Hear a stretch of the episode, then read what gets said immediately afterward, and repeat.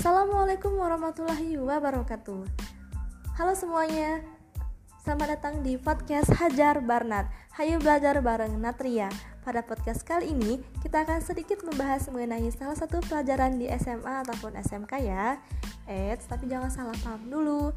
Bukan anak sekolah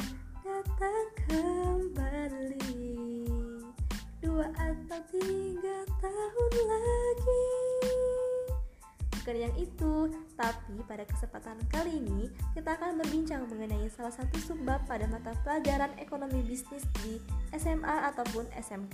Pada penasaran kan? Oke, stay tune ya. Pastinya kita semua tahu bahwa manusia tidak akan lepas dari kegiatan ekonomi, baik itu kegiatan produksi, konsumsi, dan distribusi. Dalam ilmu ekonomi, kita akan mengenal beberapa istilah seperti model ekonomi, pelaku ekonomi, perilaku konsumen, dan perilaku produsen. Pada model ekonomi, kita akan berbicara mengenai hubungan antara pelaku ekonomi agar dapat mengetahui bagaimana arus kegiatan ekonomi yang berlangsung di masyarakat. Ada beberapa model hubungan antar pelaku ekonomi, mulai dari yang paling sederhana hingga yang paling kompleks yang meliputi model ekonomi dua sektor, yang di mana terdapat peran rumah tangga konsumen dan rumah tangga produsen, lalu ada ekonomi tiga sektor, yang di mana terdapat peran rumah tangga konsumen, rumah tangga produsen, dan pemerintah, serta ada ekonomi empat sektor di mana terdapat peran yang lebih kompleks yang meliputi rumah tangga konsumen, rumah tangga produsen, pemerintah, dan masyarakat luar negeri. Biasanya, ketiga model ini dapat dilihat melalui diagram arus lingkaran.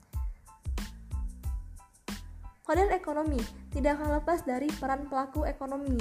Dalam ekonomi, yang menjadi pelaku ekonomi antara lain rumah tangga konsumen, rumah tangga produsen, pemerintah, dan masyarakat luar negeri. Sebelumnya, kita telah mendengar bahwa dalam ekonomi, konsumen dan produsen merupakan salah satu komponen yang menunjang keberlangsungan kegiatan ekonomi itu sendiri. Perilaku konsumen dapat diartikan sebagai proses yang dilalui oleh seseorang ataupun organisasi dalam mencari, membeli, menggunakan, mengevaluasi, dan membuang produk atau jasa setelah dikonsumsi untuk memenuhi kebutuhannya. Ada beberapa faktor yang mempengaruhi konsumen baik yang berasal dari internal ataupun eksternal.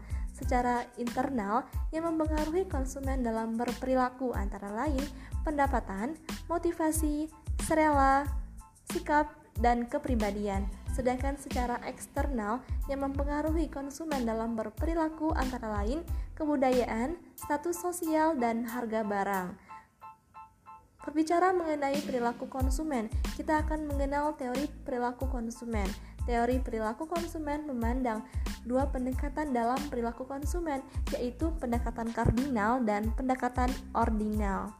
Dalam pendekatan kardinal, memandang bahwa utilitas suatu barang atau jasa dapat diukur dengan satuan util. Konsumen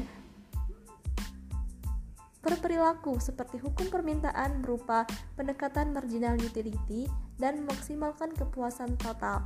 Sedangkan pada pendekatan ordinal memandang bahwa utilitas suatu barang atau jasa tidak perlu diukur, cukup untuk diketahui dan konsumen mampu membuat urutan tinggi rendahnya utilitas yang diperoleh dari mengkonsumsi sejumlah barang dan jasa.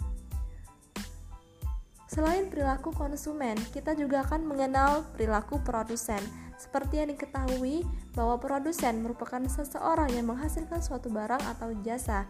Berarti, perilaku produsen dapat diartikan sebagai bagaimana produsen mengkombinasikan beberapa input untuk menghasilkan sejumlah output.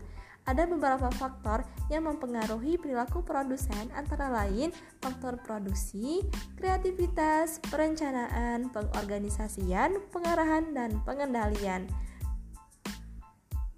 Berbeda dengan teori perilaku konsumen, dalam teori perilaku produsen terdapat dua teori, yaitu produksi dengan satu faktor produksi dan produksi dengan dua faktor produksi.